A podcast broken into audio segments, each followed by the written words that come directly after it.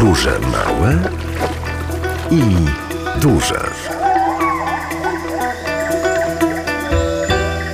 A kalendarz w tym roku tak pięknie nam się ułożył, że tak naprawdę od piątku, od 11 listopada, aż po dziś, po 13 dzień listopada, możemy świętować święto odzyskania niepodległości przez Polskę. Piotr Król, który ten program zrealizuje, a także Magdalena Lipiec-Jaremek, mówimy Państwu dzień dobry i mówimy ciągle jeszcze świątecznie, a to dlatego, że dzisiejsza nasza podróż będzie taką podróżą po regionie i po samym Lublinie, oczywiście związaną z tym wszystkim, co wiąże się z odzyskaniem niepodległości przez Polskę. A nasza przewodniczka to przewodniczka, która kocha także polską literaturę i również potrafi i zaśpiewać, i recytować wiersze podczas spotkania z turystami. Jeszcze, proszę Państwa, jest taki piękny wiersz ułożony, kiedy wkraczały tutaj wojska Beliny Prażmowskiego. Jak to było ładnie, kiedy pan Belina na karkach Moskali wjechał do Lublina. Jak to było ładnie, gdy potem na rynku stanął z łanami w bojowym ordynku i głosił światu wszędzie. Jeszcze nie zginęła, jeszcze jest i będzie. Naszym przewodnikiem, przewodniczką będzie pani Maria Wiśnioch-Filo, pani prezes Koła Przewodników PTTK imienia Mikołaja Stanisława Pajdowskiego i to nazwisko też związane oczywiście z odzyskaniem przez Polskę niepodległości. Jeszcze nie raz dzisiaj w audycji będzie wybrzmiewało. I będzie także wybrzmiewać coś, co jest związane tak naprawdę z historią naszego regionu, również w nawiązaniu do tego wiersza, który właśnie przed chwileczką zacytowała pani Maria, nasza przewodniczka. Drodzy Państwo, jak to dobrze, że w radiu możemy sięgnąć do nagrań archiwalnych, do głosu chociażby Wojciecha Siemiona, który nie dość, że recytuje, to jeszcze wyśpiewuje te właśnie przytoczone przez naszą przewodniczkę słowa. Może nie pamiętacie, na melodię znacie. Jak chcecie, możecie razem ze mną e, śpiewać, ale o Lublinie.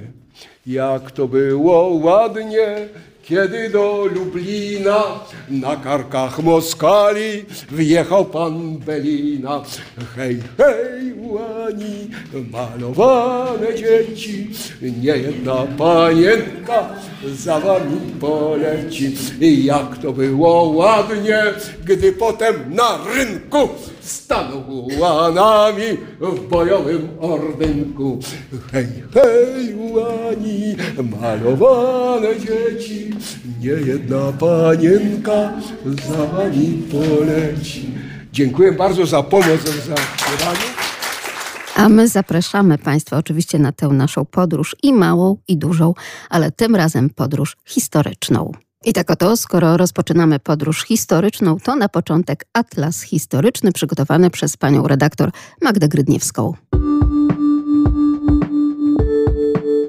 Lubelski Atlas Historyczny. Nowy cmentarz przy ulicy Zelwerowicza, o którym wspominaliśmy niedawno, znajduje się w północno-zachodniej, czy będzie się znajdował w, zachodniej, w północno-zachodniej części miasta, obecnego Lublina. Ale oczywiście jak w każde miejsce również i to miejsce ma swoją historię dłuższą niż Lublin na tym obszarze. W miejscu trzech dawnych wsi, a obecnie to jest wszystko Lublin, czyli skrzyżowanie Zelwerowicza z bohaterów września i równoległa do bohaterów września Poligonowa. Jesteśmy z Miejskim Konserwatorem Zabytków Hubertem Mącikiem i przedstawicielem Stowarzyszenia Architektów Polskich Bartłomiejem Korzuchowskim. Najgłębiej z punktu widzenia historii i informacji, które możemy znaleźć o nazwach tych miejsc, e, możemy sięgnąć do początku wieku XIV, czyli też bardzo, bardzo dawno bo e, w 1317 roku wzmiankowany jest po raz pierwszy Sławin, na terenie którego pól znajdzie się właśnie ten nowy cmentarz, a niedługo później, bo w 1326 roku Czechów. A na północ od nich? A na północ od nich już były Jakubowice, kolejny kompleks własnościowy, który też wytwarzał się w XIV-XV wieku i też z tamtego okresu mamy pierwsze informacje na temat e, tych kolejnych wsi. Wydawałoby się takie miejsce na pierwszy rzut oka bez historii, bo z zabytków, jakie tutaj możemy wskazać, jest tylko niewielka kapliczka z 1937 roku, ale miejsce o historii, tak czy inaczej, Dość długiej, e, użytkowane przez większość e, swojej dotychczasowej historii rolniczo, jako pola, tych właśnie wsi, o których wspomnieliśmy. Z czasem, na początku wieku XX, po parcelacji majątku Czechów, e, część tego terenu stała się poligonem wojskowym, a północna część, którą wówczas określano też potocznie jako Wydmuchy, ale formalnie był to Czechów, w tym miejscu pojawiła się taka niewielka kolonia wzdłuż ulicy Poligonowej. To właśnie ulica Poligonowa była taką osią tej nowej, no wówczas jeszcze bez nazwy Poligonowa, była taką osią tej nowej kolonii. Właściwie jedynym świadectwem tej historii, poza samym rozplanowaniem dróg właśnie tu na północ od ulicy Zelwerowicza, jest niewielka kapliczka usytuowana na podwyższeniu na stoku przy zachodniej stronie ulicy Poligonowej, wybudowana w 1937 roku staraniem właśnie mieszkańców tychże dawnych wydmuchów, formalnie Czechowa. Co ciekawe, jak podają tutaj mieszkańcy, jest podanie przekazywane po prostu rodzinnie, że cegłę na tę kapliczkę przekazał dzierżawca cegielni na Czechowie, nad Czechówką, który był Żydem. Kapliczka jest bohaterem i tym wszystkim, którzy walczyli o wolność, o niepodległość. To jest, można powiedzieć, częściowo też e, dodatek e, do kapliczki, która miała też oczywiście od samego swojego początku funkcje sakralne. Na kapliczce są dwie tablice współczesne, które upamiętniają zarówno fundatorów, jak i właśnie w tych wszystkich, którzy walczyli za niepodległość Polski. Mieszkańcy otoczenia starają się o tę kapliczkę, ona jest regularnie remontowana. I właśnie odmalowana, żółty, błękitny, biały, kolory papieskie, maryjne. Tak, tak. Plan zagospodarowania jest tego miejsca, tak? E, tak, tak. Jest, jest obowiązujący w części przynajmniej plan zagospodarowania terenu. Jak myślimy o ulicy Poligonowej, to na pewno nie możemy zapomnieć o tym, że graniczy y, z górkami czechowskimi. W ogóle wzdłuż y, ulicy Poligonowej dużo się y, dzieje, bo jest część zabudowy nowej, zabudowy jednorodzinnej. Tutaj powstało wiele ciekawych, nowoczesnych, bardzo nowoczesnych domów. Jest część z zabudową usługową. Na planie miasta to jest część, która się, wydaje mi się, z jedną najbardziej dynamicznie rozwijających się części y, Lublina. Jeszcze 20-30 lat temu, nawet 20, kończyło się faktycznie na Czechowie, na Górkach Czechowskich. Potem była poligonowa z zabudową jednorodzinną, ale taką w charakterze też wiejskim. A cały botanik, cały Sławinek, TBS-y, to jest wszystko nowe. I to, co powstaje na północ od Górek Czechowskich, też. Jest to taki właśnie przykład obszaru, który przechodzi bardzo intensywne przekształcenia. No, nie jest to nic wyjątkowego, bo przecież podobna sytuacja miała miejsce w drugiej połowie XX wieku, w okresie, kiedy zagospodarowywano rury dla potrzeb LSM-u. Potem w trakcie budowy kolejnych dzielnic mieszkaniowych, takich jak Czechów czy Czuby, więc miasto rozrasta się. I cóż, no, taka jest kolej rzeczy. Istotne jest to, żeby ta, to nowe zagospodarowanie miało jak najlepszą jakość. Na skrzyżowaniu Zelwerowicza, Bohaterów Września i równoległej do Bohaterów Września Poligonowej jesteśmy z Miejskim Konserwatorem Zabytków Hubertem Mącikiem i przedstawicielem Stowarzyszenia Architektów Polskich Bartłomiejem Kozuchowskim. Lubelski Atlas Historyczny. Audycja powstała przy współpracy z lubelskim oddziałem SARP.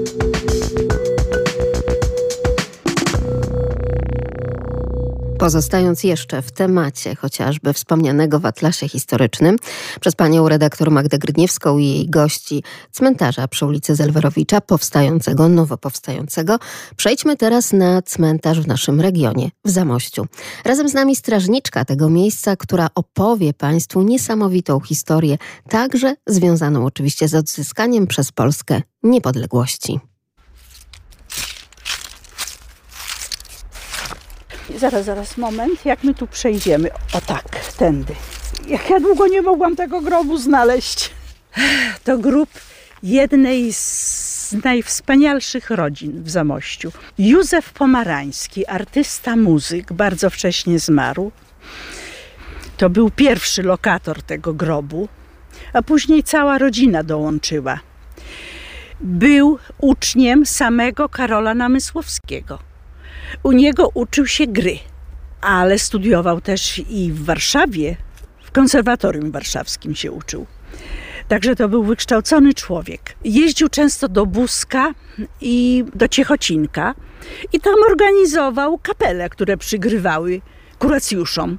Dostał list od ordynata Maurycego Zamojskiego, dostał zaproszenie do zwierzyńca. To zaproszenie wiązało się z prośbą o zorganizowanie ordynackiej orkiestry.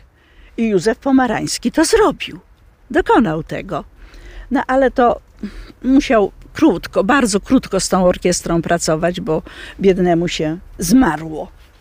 Żona Maria mieli trzech synów. Zygmunta, Jadwiga była żoną Zygmunta i więcej tutaj nie ma. Jeszcze był Stefan i był Stefan i Józef. Tak, Zygmunt, Stefan i Józef. Zygmunt był najsłynniejszy chyba z nich wszystkich. Kompozytor pieśni o mój rozmarynie, rozwijaj się. Legionista pierwszej kompanii kadrowej, on i jego brat Stefan. Zygmunt był pierwszym rannym w czternastym roku, pierwszym rannym legionistą. To był wydawca w Zamościu, słynny.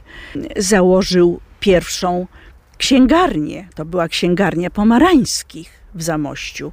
Wydawał książki, więc miał czym zapełnić, ale i ściągał książki od innych wydawców, miał czym zapełniać półki tychże księgarni. Zygmunt Pomarański w czasie okupacji był jednym z pierwszych organizatorów konspiracji. Komendant ZWZ. Został aresztowany w lutym 1941 roku.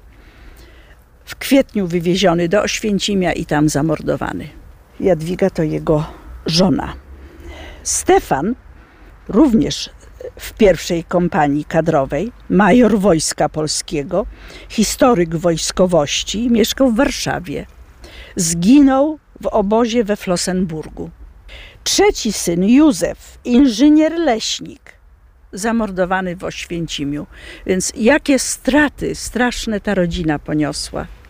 Trzech synów zginęło za to, że byli patriotami, że walczyli w ZWZ, że byli Polakami. Wspaniała, wspaniała rodzina i tutaj też dużo ludzi przychodzi i, i, i stawia, i stawia, już są uprzątnięte, bo tutaj było dużo tych, tych zniczy. W każdym bądź razie my pamiętamy o nich. Kilka lat temu, jakieś 10 lat temu, był wielki zjazd rodziny pomarańskich.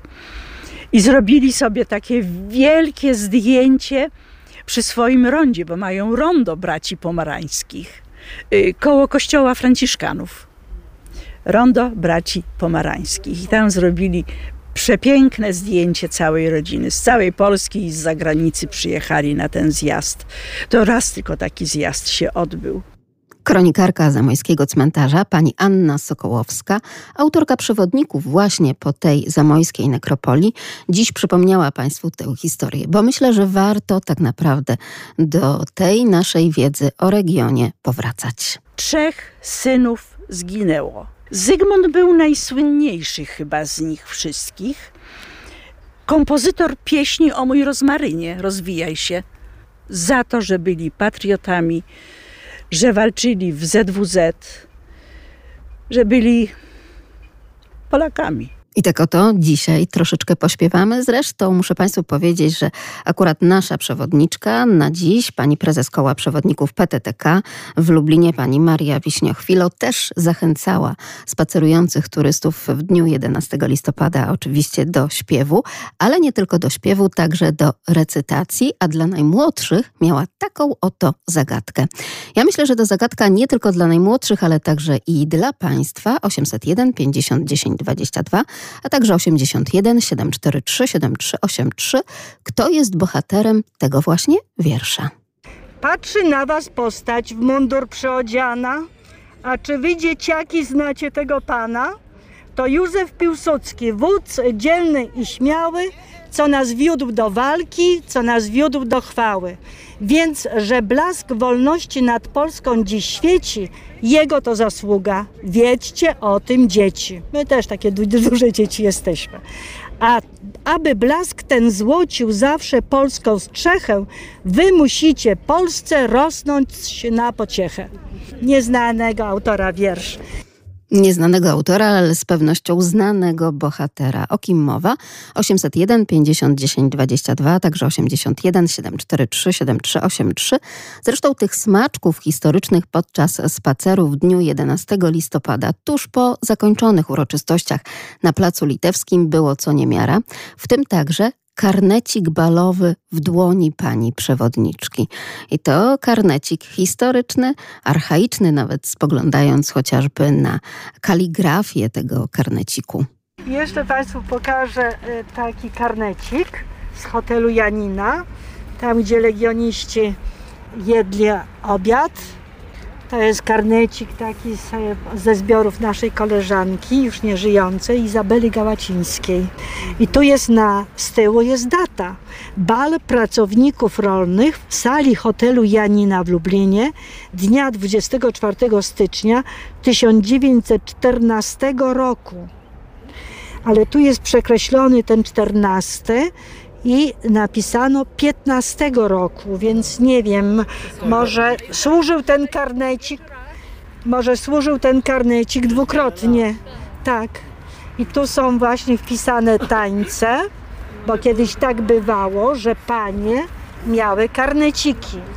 I panowie, e, jak chcieli poprosić do tańca, to musieli się wpisać. I tu masz polones, walc, kontredans, oberek, walc błękitny, mazur, kotylion, kontredans 2 i walc i mazur biały. Proszę bardzo. Wszyscy chcą zobaczyć, każdy chciałby zrobić zdjęcia. Ja także Państwu te zdjęcia tegoż karneciku będę udostępniać, chociażby na profilu Podróży Małych i Dużych, ale również na naszych stronach internetowych www.radio.lublin.pl.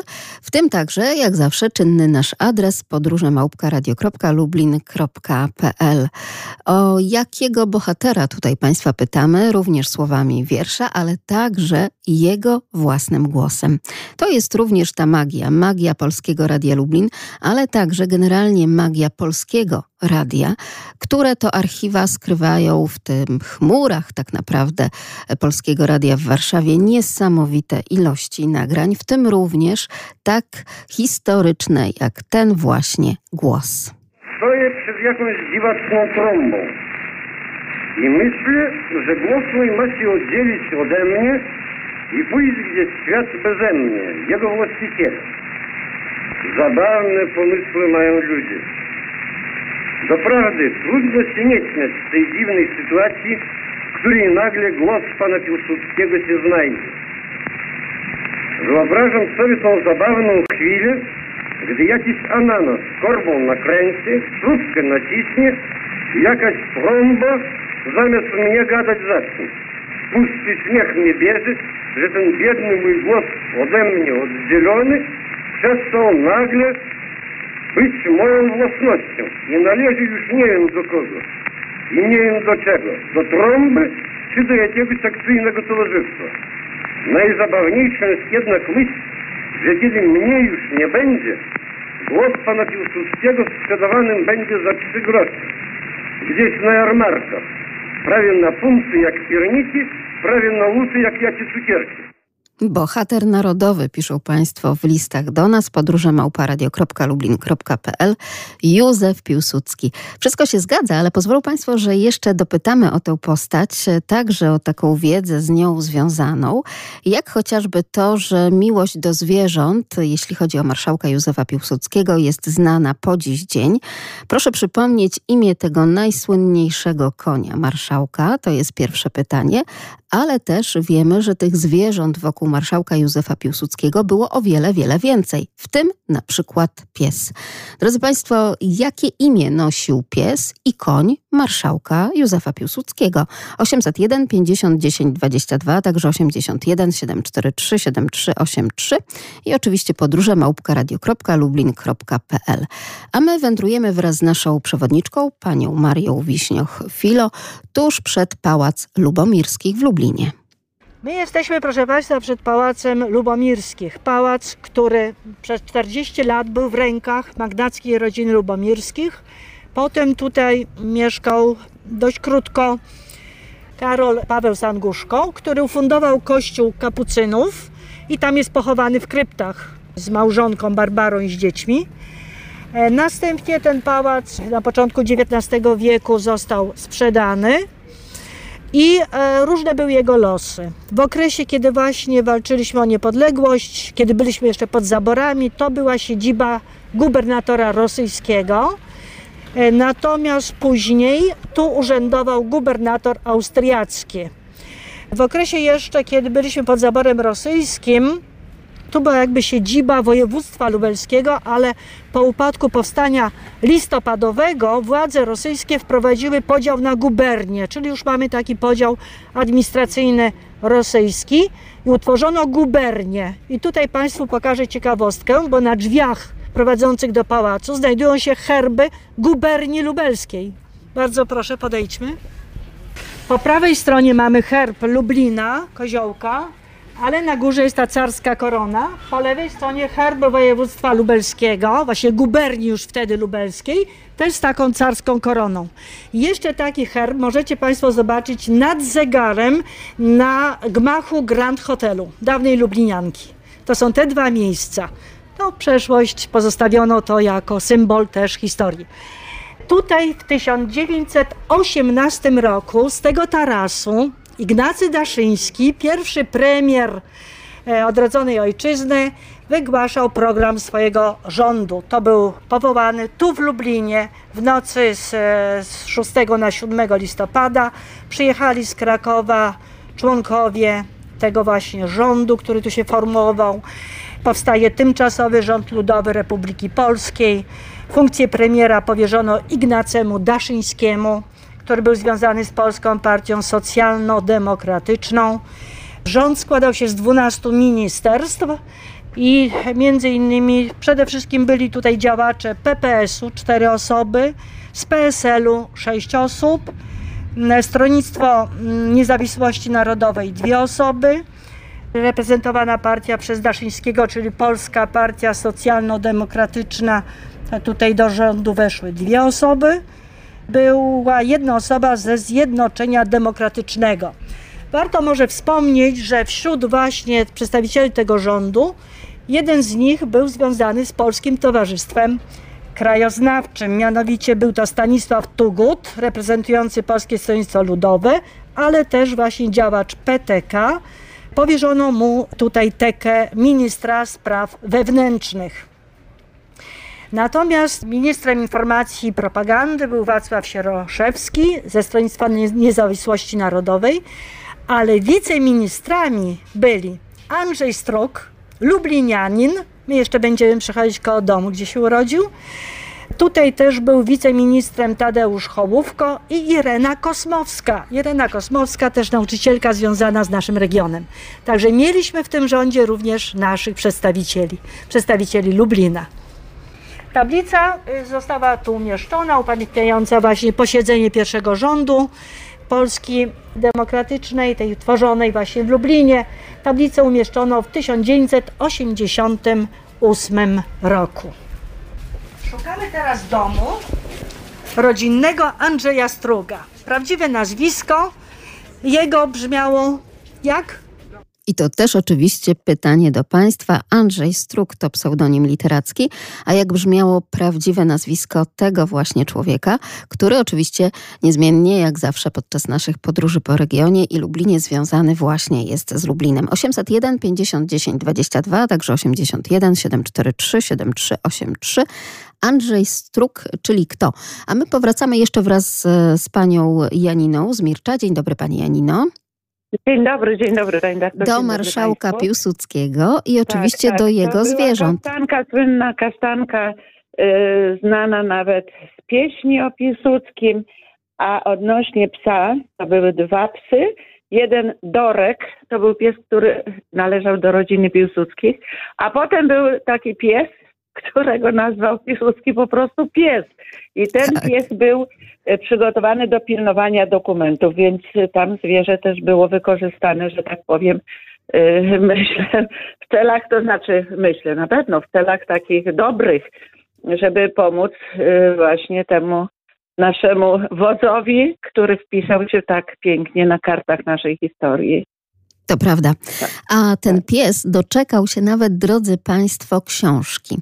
Książki dla dzieci, właśnie to między innymi historie owego psa, ale też tam e, cała oranżeria tak naprawdę, jeśli chodzi o domostwo Piłsudskiego, bierze udział również i w tej opowieści, bo są i gęsi, i kury, no i wszystko to, co tylko możliwe, jeśli chodzi o zwierzynę na podwórzu, prawda? I tam, drodzy Państwo, właśnie pies, który nazywał się Pies, czyli pies marszałka Piłsudskiego, to dla najmłodszych dzieci taka książka, e, dzięki której mogą poznawać na przykład kolejny etap nauki czytania. Więc też polecamy, jeśli słuchają nas rodzice, to proszę bardzo. Halo, halo. Tak, Pani Janino? A jeszcze chciałam dodać y, Ostruga, to był Tadeusz Gałecki.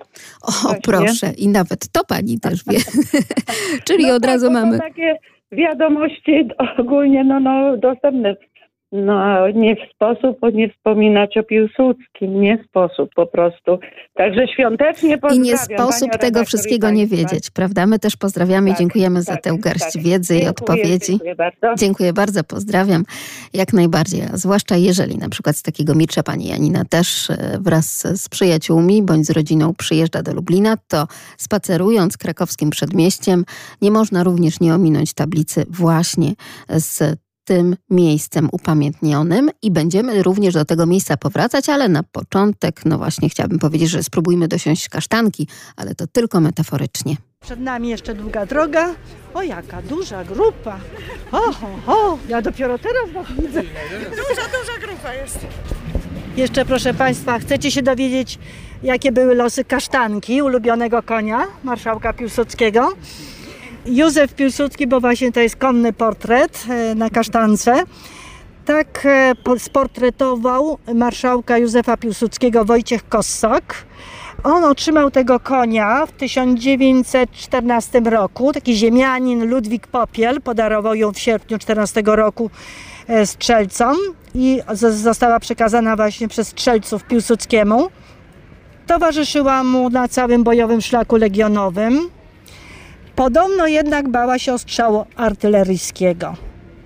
Często też już później, kiedy komendant był na tak zwanej politycznej emeryturze, ale jak były ważne uroczystości, to wtedy dosiadał kasztanki i kiedyś przywieziono kasztankę pociągiem do Warszawy na uroczystości, na defiladę i potem z powrotem, kiedy wracała do Mińska Mazowieckiego, być może była źle zabezpieczona w tym wagonie, upadła. I ten upadek spowodował, że już niestety kasztanki nie można było uratować.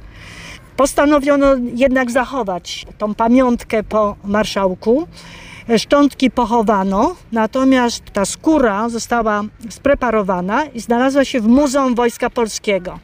W 50 latach stan już był bardzo fatalny i postanowiono ją po prostu y, zneutralizować. Na dziedzińcu muzeum y, z polecenia ówczesnego generała roli Rzymierskiego została spalona. Ale miała dwoje dzieci. Także były źrebięta, nazwano je, nazwano je Niemen i Mera. Tylko już tutaj nie mam informacji, co się stało z tym potomstwem kasztanki. Ona przeszła do historii, może właśnie dzięki namalowaniu Piłsudskiego na kasztance przez Wojciecha Kossaka. A przeszła do historii nie tylko w wizerunku malarskim, ale również, drodzy Państwo, w utworze muzycznym, zresztą też wspomnianym przez naszą radiosłuchaczkę, panią Janinę. Państwo pamiętają, jak to było. Jedzie, jedzie na kasztance, na kasztance, pieśń o wodzu miłym. Powracamy oczywiście do oprowadzania podczas spaceru, związanego oczywiście z odzyskaniem niepodległości przez Polskę. To był taki spacer niepodległościowy ulicami naszego miasta Lublina. Naszą przewodniczką jest pani prezes Koła Przewodników PTTK, pani Maria Wiśniochwilo i oczywiście, ponieważ to jest przewodnik z krwi i kości, z mocnym, silnym głosem w stosunku do dużej grupy, jak państwo słyszeli, naprawdę bardzo duża grupa Lublinian, zresztą tych grup było kilka. Właśnie w piątek, w dniu 11 listopada bieżącego roku, grupy Lublinian wraz z dziećmi, całe rodziny, którzy chcieli poznać tę historię, czyli dreptać tak naprawdę krok za krokiem po naszych uliczkach, po to, żeby poznawać osoby związane z odzyskaniem niepodległości przez Polskę. Więc przewodniczka z silnym, mocnym głosem, która potrafi niemalże całą ulicę skupić e, na swojej właśnie uwadze i na swoim głosie, po to, żeby wszystko to, co ma do przekazania, dotarło. Tak często spacerujemy deptakiem. Tutaj jak jest kawiarnia, są parasole, to nie widać tej tablicy i nagle możemy zobaczyć miejsce, które już włączam mikrofon. Dobrze, stanęliśmy po środku. Nie będziemy przeszkadzać, mam nadzieję. Proszę Państwa, dom, kamienica, w której przyszedł na świat PPS-owiec, legionista, wiceminister propagandy i informacji Tadeusz Gałecki, pseudonim literacki Andrzej Struk. Urodził się w Lublinie, tutaj w 1871 roku. Jak miał 9 lat, ojciec kupił taki majątek w Konstancinie, tu pod Lublinem, i tam jeszcze jest ten dworek, zachował się, gdzie mieszkali. Nazwisko literackie, to pseudonim literacki, przyjął od woźnicy Andrzeja Struga. I tak już później pisał, tworzył pod tym nazwiskiem. Miejsca związane z Andrzejem Strugiem w Lublinie. Kamienica rodzinna, krakowskie przedmieście 39. Szkoła wojewódzka przy ulicy Narutowicza 12, tam gdzie był nie, do niedawna Instytut Pedagogiki, taka różowa kamienica w tej chwili już wymaga remontu. To było gimnazjum, bardzo prestiżowe, do którego chodzili wcześniej, jeszcze przed Strugiem. Oprowadzamy, przepraszamy bardzo. Tak jest, cisza. Ja wiem, że teraz, kiedy Państwo podgłośnią sobie radioodbiornik, no to jeszcze więcej informacji trafi do Państwa. Drodzy Państwo, a będziemy się zastanawiać nad kolejną postacią związaną z naszym miastem. Proszę Państwa, to jest szkoła właśnie wojewódzka, do której wcześniej chodził Bolesław Prus, a za czasów Andrzeja Struga, Aleksander Świętochowski i tam dyrektorem tej szkoły był Józef Skłodowski. Co nam mówi to nazwisko? Zapytała wszystkich y, uczestników spaceru w dniu 11 listopada pani Maria, nasza przewodniczka. Ja pytam państwa, co nam mówi to nazwisko? Nazwisko Skłodowski 801 50 10 22. Z kim powinniśmy tak naprawdę tę postać tutaj połączyć? 81 743 7383. Podróże małe i duże.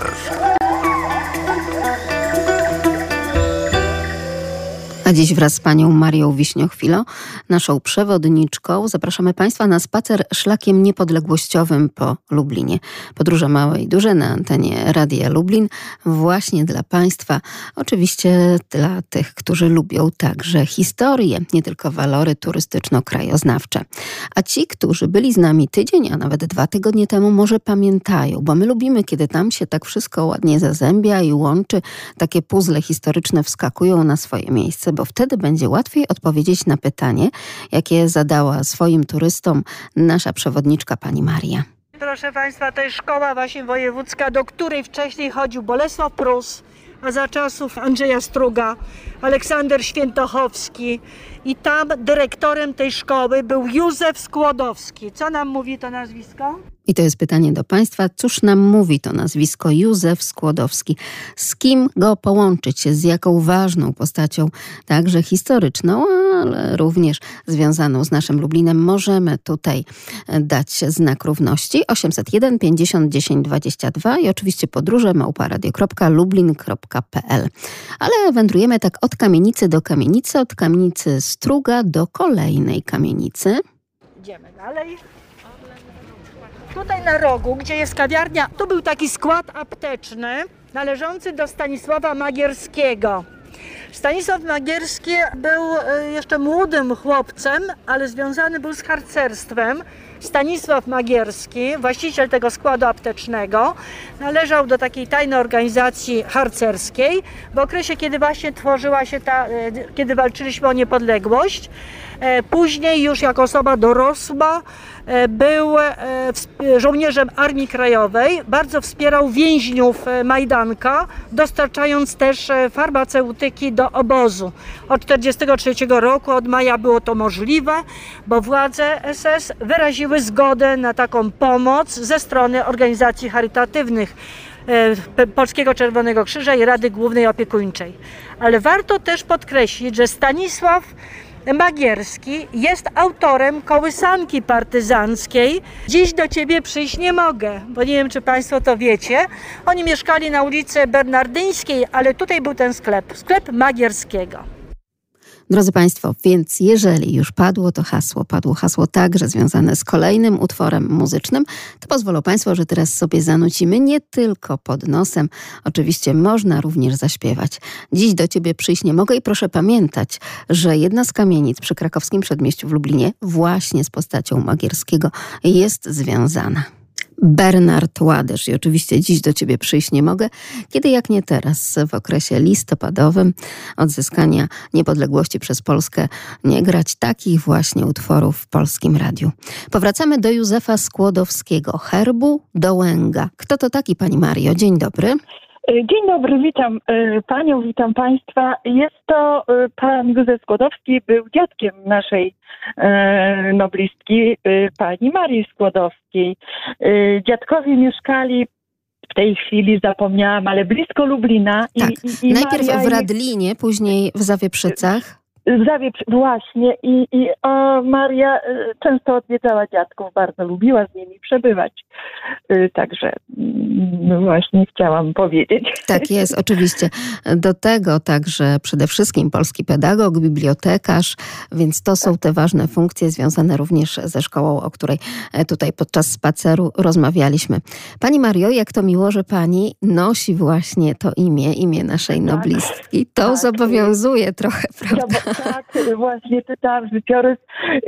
To imię wybrał mi mój tata ukochany, ogromny patriota, akowiec, y, partyzant. No i tak właśnie mm, upodobał sobie to imię i z godnością noszę. I niech tak, niech tak pozostanie Pani Mario.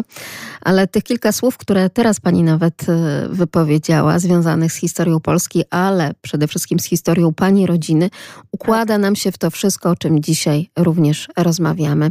To był piękny spacer podczas święta niepodległości 11 listopada, kiedy tak tłumnie w kilku nawet grupach wraz z przewodnikami lublinianie i goście przyjezdni, turyści przemierzali te ulice i oczywiście poznawali historię naszego miasta pod kątem odzyskania niepodległości przez Polskę. Pani też lubi takie spacery historyczne? Bardzo. Y, Jeśli mogę chwil, y, y, sekundkę. Proszę. Czasu należałam do szkoły Super Babci Super Dziadka i na Mhm. setną rocznicę odzyskania niepodległości zrobiliśmy taki cudowny przemarsz wszystkimi miejscami, które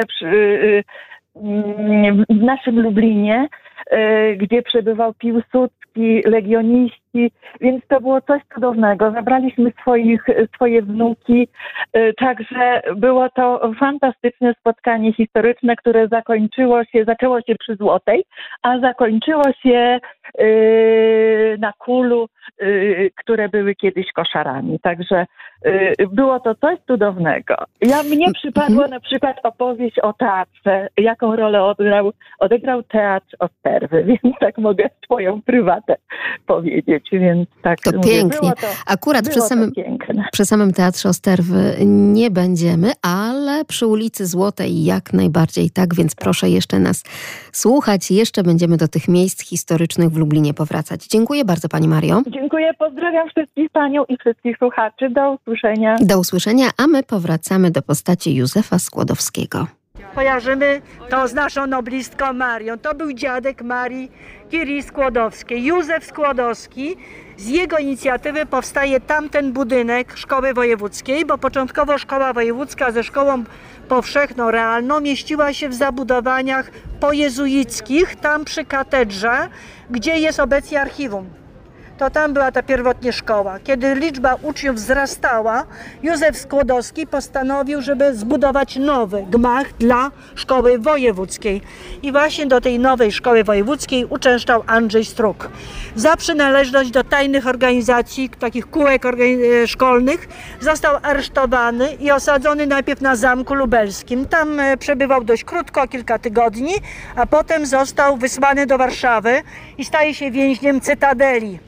Jest autorem takich powieści jak Dzieje jednego pocisku, Odznaka za wierną służbę, Wspomina właśnie te lata szkolne, wspomina też wjazd Beliniaków. To tędy krakowskim przedmieściem wjeżdżali Beliniacy i inni ułani 30 lipca 1915 roku, podziwiając bramę krakowską, a witały tych ułanów panny w białych sukniach. Proszę zwrócić uwagę, że tutaj dziewczęta założyły białe suknie, bo w okresie po powstaniu styczniowym kobiety nosiły czarne suknie i nosiły czarne krzyżyki. To był symbol żałoby narodowej.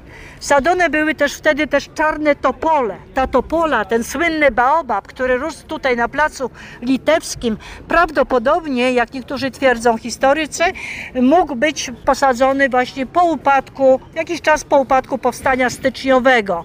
W tej chwili rośnie już nowa topola w tym miejscu. Wcześniej było posadzone to drzewo po upadku powstania styczniowego. Na podstawie powieści Andrzeja Struga Dzieje jednego pocisku Agnieszka Holland zrealizowała film pod tytułem Gorączka. Jak to dobrze, że mamy taką wyjątkową przewodniczkę, która potrafi połączyć i film, i literaturę, i muzykę, i oczywiście historię. Pozwolą Państwo, że przejdziemy teraz dalej, bo kolejne punkty przed nami. Dajemy się pod ratusz miejski. Ułani wjeżdżają.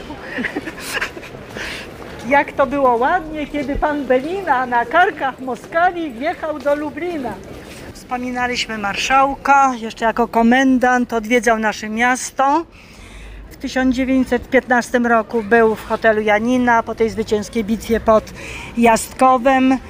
Natomiast w listopadzie 16 roku odwiedził szpital legionowy w byłym klasztorze Brygidek przy obecnej Narutowicza, wtedy to była ulica Namiestnikowska. To jest ten kościół, o którym często lublinianie mówią powizytkowski, a bardziej powinniśmy mówić pobrygitkowski, bo brygitki zajmowały ten klasztor 400 lat tam mieszkały, a wizytki tylko 40. Także to jest kościół pobrygitkowski, piękny, ufundowany przez króla Władysława Jagiełłę po zwycięskiej bitwie pod Grunwaldem. I to jest taki jeden z większych pomników upamiętniających zwycięstwo wojsk przymierzonych przecież nad zakonem krzyżackim. To właśnie tam był szpital legionowy, bo tutaj przez Lublin też przemieszczali się legioniści, udając się na front tak zwany wołyński. Józef Piłsudski był często podejmowany również przez prezydenta Lublina, między innymi Czesława Szczepańskiego tutaj w tym gmachu w ratuszu. Dlatego zatrzymaliśmy się przed e, budynkiem ratusza. Oprócz tego miejsca, tam gdzie była siedziba gubernatora, najpierw rosyjskiego, a później tych Austriaków, to właśnie tam się spotykał z, z austriackimi gubernatorami, natomiast tutaj z przedstawicielami władz samorządu miejskiego. Podejdźmy z drugiej strony ratusza, tam zobaczycie Państwo tablice upamiętniające legiony i jednego e, z legionistów. Może tak troszeczkę dalej stańmy pod może tymi łańcuchami, to z perspektywy będzie lepiej widać tablicę. O, myślę, że tak będzie lepiej. Tu są dwie tablice nawiązujące właśnie do Legionów Polskich. Tablica środkowa z orzełkiem legionowym to jest replika tablicy z 1934 roku. Oryginalna się nie zachowała. E, w rocznicę utworzenia Legionów Polskich w sierpniu, tu jest data 6 sierpnia 1914 rok, 6 sierpnia 1934 roku. Społeczność miasta Lublina bohaterskim legionom Józefa Piłsudskiego. W 1916 roku legiony już były tak sformowane, że mieliśmy trzy brygady. Pierwsza brygada i wszyscy, słuchajcie, chcieli właśnie służyć w pierwszej brygadzie. Myślę, że to nie jest trudne pytanie retoryczne. Dlaczego tak naprawdę wszyscy chcieli służyć w pierwszej brygadzie? Wiadomo, każdy chciał być jak najbliżej marszałka Piłsudskiego. Dlatego, że tą pierwszą brygadą dowadził Józef Piłsudski. Po e, tej zwycięskiej bitwie pod Jastkowem stoliki przed katedrą lubelską były ustawione i tam zapisywali się młodzi chłopcy i wszyscy chcieli do pierwszej brygady legionów. Do pierwszej brygady zapisał się m.in. Mikołaj Stanisław Pajdowski, patron naszego koła który był związany z ziemią lubelską, z urzędowym, był członkiem Polskiej Organizacji Wojskowej, ale tutaj właśnie w 1915 roku wstąpił do Legionów, do pierwszej brygady, do pułku, pierwszego pułku piechoty Władysława Beliny Prażmowskiego. Tu również zapisał się do Legionów Stanisław Czechowicz, brat Józefa Czechowicza, naszego poety. I tak oto znów historia nam się łączy oczywiście z Lublinem i z postaciami związanymi z naszym miastem. To była euforia, taki punkt jeszcze poborowy, taki punkt znajdował się przy Kapucyńskiej. Już nie pamiętam, chyba pod numerem 5 tam można było, ale tu spontanicznie, bo wszyscy chcieli się zapisywać do legionów, to jeszcze przy stolikach właśnie zgłaszali swój akces. Dlaczego tu? Bo tu właśnie w katedrze była uroczysta msza święta odprawiona, tu odbywała się też defilada tych oddziałów, tych ułanów, którzy wkroczyli w lipcu 15 roku do Lublina. Druga brygada, drugą brygadą w 1916 roku dowodził początkowo Józef Haller, tak, to on właściwie przez cały okres czasu. To jest ta błękitna armia, o której słyszeliśmy. Później oni udali się do Francji, tak? Także tutaj drugą brygadą dowodził Józef Haller. Natomiast trzecią brygadą w 16 roku pułkownik Stanisław Szeptycki. Wtedy jeszcze pułkownik, późniejszy generał, dowódca frontu litewsko-białoruskiego w wojnie polsko-bolszewickiej 1920 roku. Także mieliśmy te trzy brygady. Oczywiście w skład tych brygad wchodziły różne pułki, to już nie będę wymieniać. Najwięcej było sformowanych pułków w pierwszej brygadzie, bo aż e, cztery. Natomiast w drugiej to był tylko jeden, trzeci pułk, e, a trzecia brygada składała się z dwóch pułków, to był czwarty i szósty pułk piechoty. Między innymi tam dowodził tym czwartym pułkiem piechoty walczącym pod Jastkowem Bolesław Roja. Proszę Państwa, tu jest też e, tablica upamiętniająca Gustawa Orlicz-Dreschera. Może Państwu pokażę zdjęcia naszych e, ułanów, którzy tu wkraczali do Lublina. To jest Gustaw Orlicz-Drescher i małe zdjęcie. Ulica Dreschera jest w Lublinie. Kto wie, gdzie jest ta ulica Dreschera? To jako zagadka, jak wrócicie do domu, bo nie wszystko muszę mówić.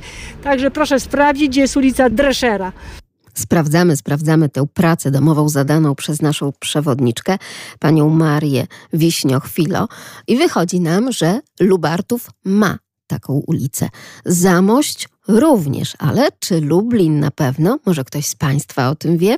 801 50 10 22, także 81 743 7383 Gustaw Konstanty Orlicz-Drescher pseudonim Orlicz, żołnierz Legionów Polskich, członek Polskiej Organizacji Wojskowej, kawalerzysta, generał dywizji Wojska Polskiego, uczestnik I wojny światowej i walk o niepodległość Polski w wojnie z bolszewikami.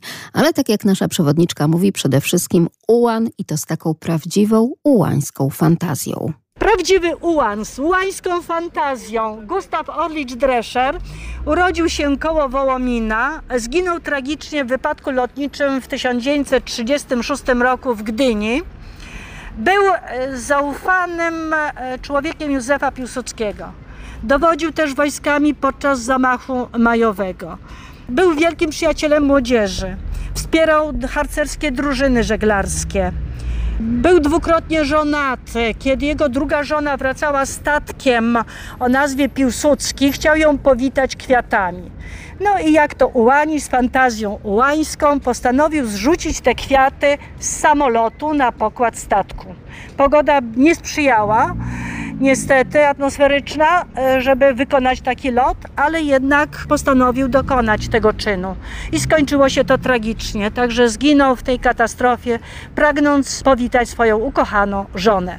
Były problemy też z pochówkiem, bo był rozwodnikiem. I powiedzieli legioniści, jak e, proboszcz parafii w Gdyni powiedział, że on drzwi nie otworzy do katedry. A na to dowódca tam legionów powiedział, pod warunkiem, że tych drzwi nie będzie. Wyjęli z zawiasów i trumna została wprowadzona do katedry i pochówek odbył się zgodnie już z ceremoniałem chrześcijańskim. Tak uhonorowano swojego wspaniałego dowódcę Gustawa Orlicz-Dreschera. Proszę, przez bramę historyczną krakowską idziemy tam, gdzie ułani Beliny Prażmowskiego stanęli w bojowym ordynku na rynku, tak?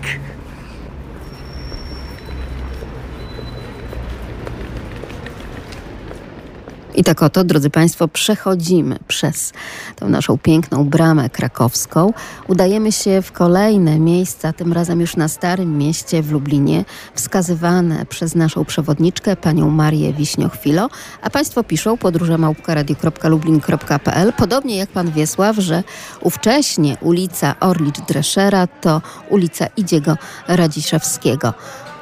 A tak jak tutaj słyszymy, świąteczny Lublin. Z jednej strony gdzieś jakaś muzyka na Starym Mieście, z drugiej strony ten tłum, tak naprawdę nieprzerwany tłum wędrowców świętujących gdzieś z przepięknymi flagami biało-czerwonymi, e, czy też kotylionami przypiętymi do płaszczy. A że dzień był piękny, to ten Lublin rzeczywiście w zupełnie innej oprawie świątecznej mógł się nam pokazać. I stajemy przed kolejną ważną kamienicą dla historii miasta w kontekście odzyskania niepodległości przez Polskę. Proszę Państwa, może na tle kamienicy stańcie, to jak jest kolega z aparatem, to Wam zrobi ładne zdjęcie, bo tam w oknach, w oknach mamy portrety Franciszki Arsztajnowej. Wspomniałam o Polskiej Organizacji Wojskowej. W Lublinie żołnierze POW są upamiętnieni uliczką. Jak uliczką Państwo z ulicy Narutowicza skręcicie za teatrem, w pierwszą ulicę za teatrem, to jest ulica POW, dawna Pstrowskiego bodajże, a teraz właśnie POW. Tutaj zatrzymaliśmy się na Starym Mieście, przed kamienicą, znajdującą się przy ulicy Złotej. Kamienica ta należała do Arnsteinów, do rodziny pochodzenia żydowskiego. W tej kamienicy mieszkała Franciszka Arnsteinowa z mężem, lekarzem Markiem i synem Jankiem. Janek był członkiem POW. Był szkolnym kolegą Stanisława Czechowicza. Były też żeńskie drużyny, do której to żeńskiej drużyny należała również poetka Franciszka Arsztajnowa. A dom stał się miejscem przechowywania dokumentów pałowiaków. Tutaj był magazyn broni w piwnicy i przechowywano umundurowanie.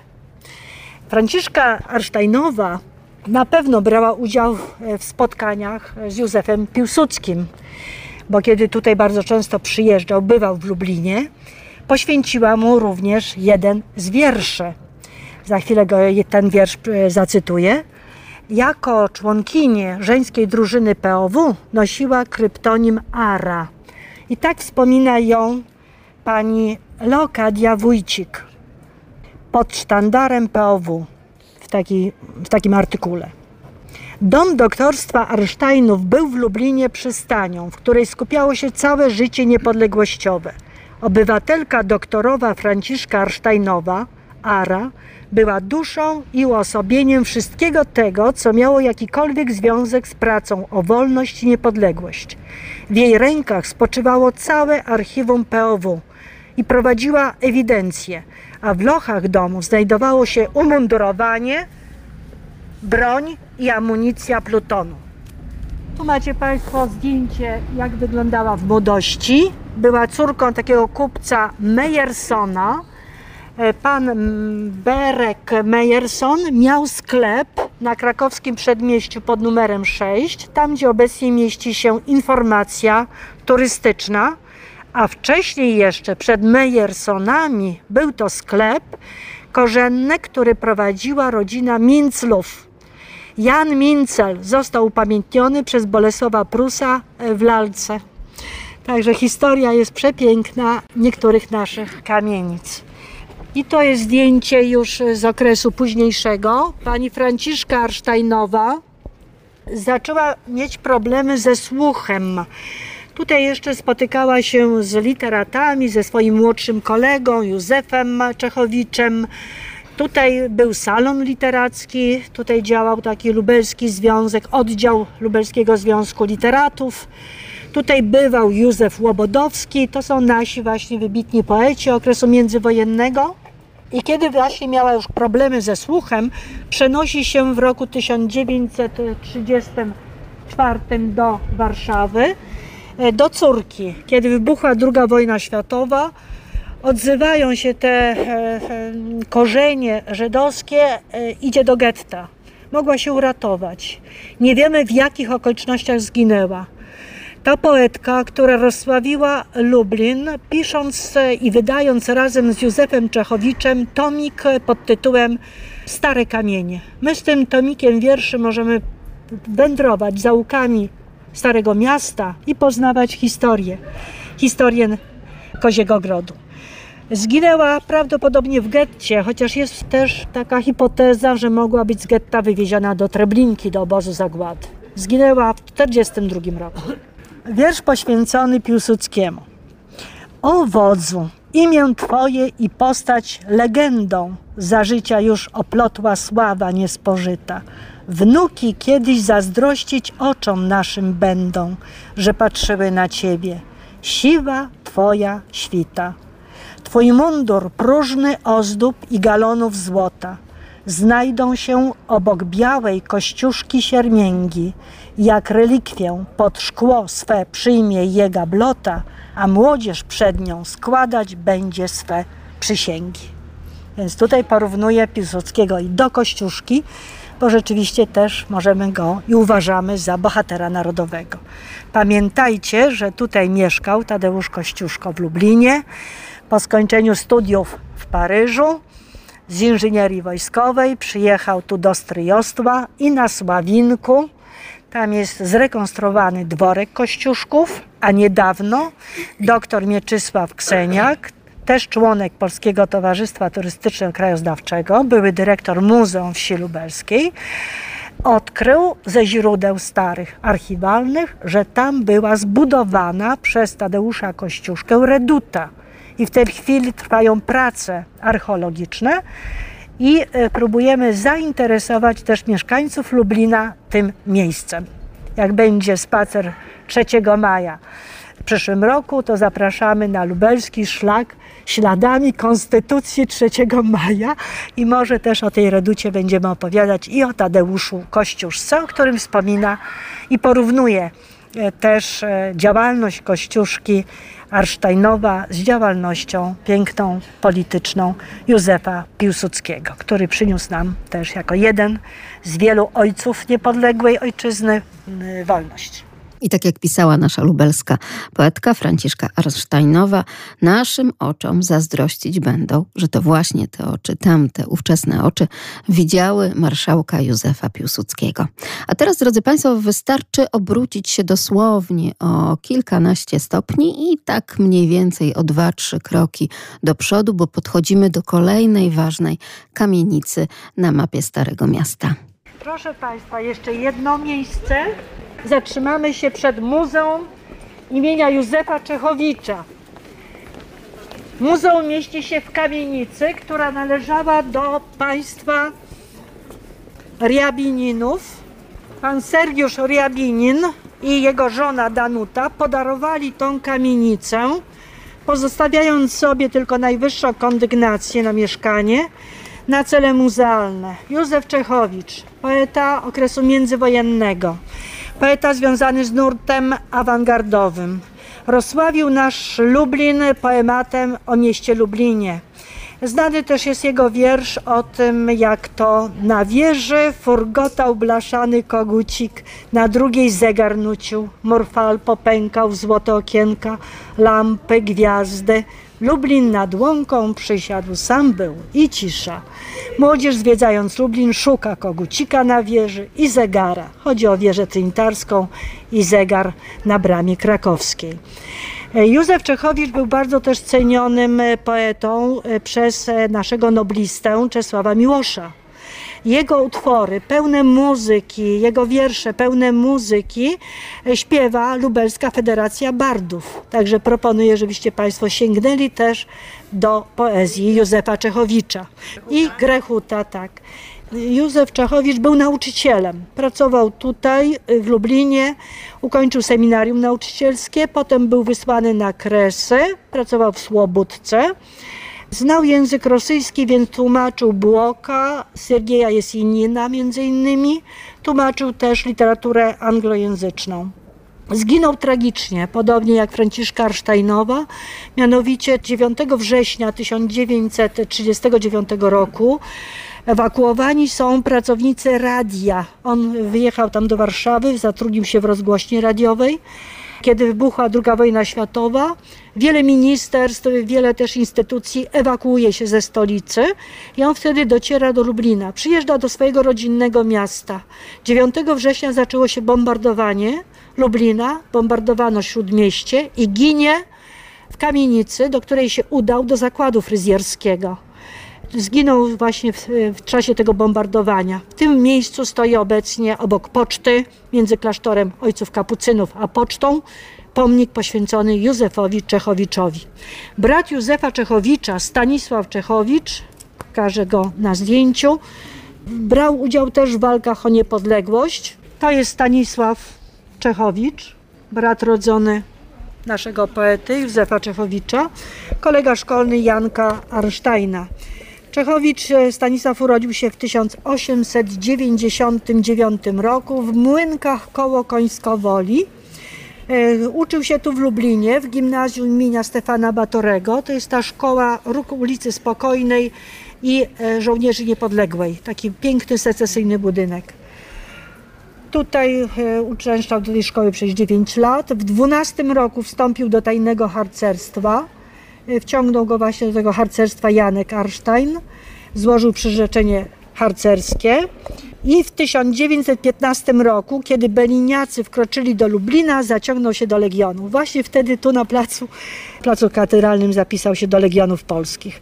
Brał udział w walkach, walczył w pierwszym pułku piechoty pierwszej Brygady Legionów. Kiedy wrócił do Lublina z frontu, to był rok 20, zaczął studia na Kulu, studia prawnicze, ale przerwał je, kiedy właśnie wybuchła ta wojna polsko-bolszewicka. Poszedł na front, dostał się do niewoli pod Radzyminem. Był internowany w obozie władykińskim. Tam spędził kilkanaście miesięcy. To spowodowało, że rzeczywiście zaczął później chorować. Umiera na gruźlicę w 25 roku, mając 26 lat. Proszę Państwa, to pokolenie, które urodziło się jeszcze pod zaborami, a dorastało w okresie międzywojennym, w wolnej ojczyźnie, to było pokolenie bardzo patriotyczne. Tu nie trzeba było mówić o, o umiłowaniu ojczyzny. To było im przekazywane w domach rodzinnych. Wiele osób było w tych rodzinach, walczyło w powstaniu styczniowym. Przekazywali właśnie wiedzę o walce Polaków jeszcze w powstaniu styczniowym. To był naturalny odryw. Musimy walczyć o ojczyznę, którą otrzymaliśmy, no nie w prezencie, ale wywalczyliśmy tą wolność. Rzeczywiście wzruszające, nowoczesne i nowe aranżacje naszych pieśni polskich. Aż żal, że zbliżamy się do końca naszego historycznego, niepodległościowego spaceru. Udamy się teraz jeszcze na wzgórze zamkowe. To będzie już ostatni punkt naszego spaceru. Zatrzymamy się przy pomniku symbolu Lwowa. I tam jest też niedawno upamiętniony skwer poświęcony imienia Jurka Bitrzana. Młodego chłopca, który zginął w obronie Lwowa. To jest właśnie to orlę lwowskie, tak. A na koniec będziemy śpiewać. Będziemy śpiewać. Zanim zaśpiewamy, no to podejdźmy do naszego wzgórza zamkowego. Jesteśmy na wzgórzu zamkowym. Historia Zamku Lubelskiego zaczyna się w XII wieku. Tu była od XII do XIV siedziba kasztelana, od XIV wieku siedziba starosty, starosty i zamek był też tymczasowo rezydencją królewską. Z zamku dawnego królewskiego zachowały się tylko dwa obiekty, mianowicie donżon, czyli wieża mieszkalno-obronna z początku XIII wieku, romańska i kaplica Trójcy Świętej, ufundowana przez króla Kazimierza Wielkiego, a pokryta wewnątrz freskami ufundowanymi przez króla Władysława Jagiełło. Poza tą historią zamku jako zamku, oczywiście tragiczna historia zamku jako więzienia, a później już tylko kilka stopni w dół i. Na frontonie pomnika symbolu Lwowa umieszczony jest napis w 75. rocznicę odzyskania niepodległości Polski i obrony Lwowa 1918-1995. Proszę Państwa, 1 listopada 1918 roku ogłoszono, że powstaje Zachodnioukraińska Republika Ludowa ku zaskoczeniu Polaków. Zaczęła się walka o Lwów, która trwała do 22 maja 1919 roku. W tej wojnie o Lwów brali udział też młodzi chłopcy. Najmłodszy uczestnik miał 13 lat. Jurek Bitrzan, którego skwer jest poświęcony tu na prawo od pomnika, miał y, chyba 14 lat, jeszcze tam dokładnie poznamy, kiedy poszedł właśnie y, walczyć. Zginął na cmentarzu Łyczakowskim. Te orlęta lewowskie, młodzi chłopcy Polacy, którzy chwytali za broń, pochowani są na cmentarzu Łyczakowskim, obok osób dorosłych. I przy tym pomniku kończymy nasz szlak niepodległościowy. Widzimy, że Lublin wpisał się w historię walk o niepodległość, że był ważnym ośrodkiem, że były liczne oddziały Polskiej Organizacji Wojskowej.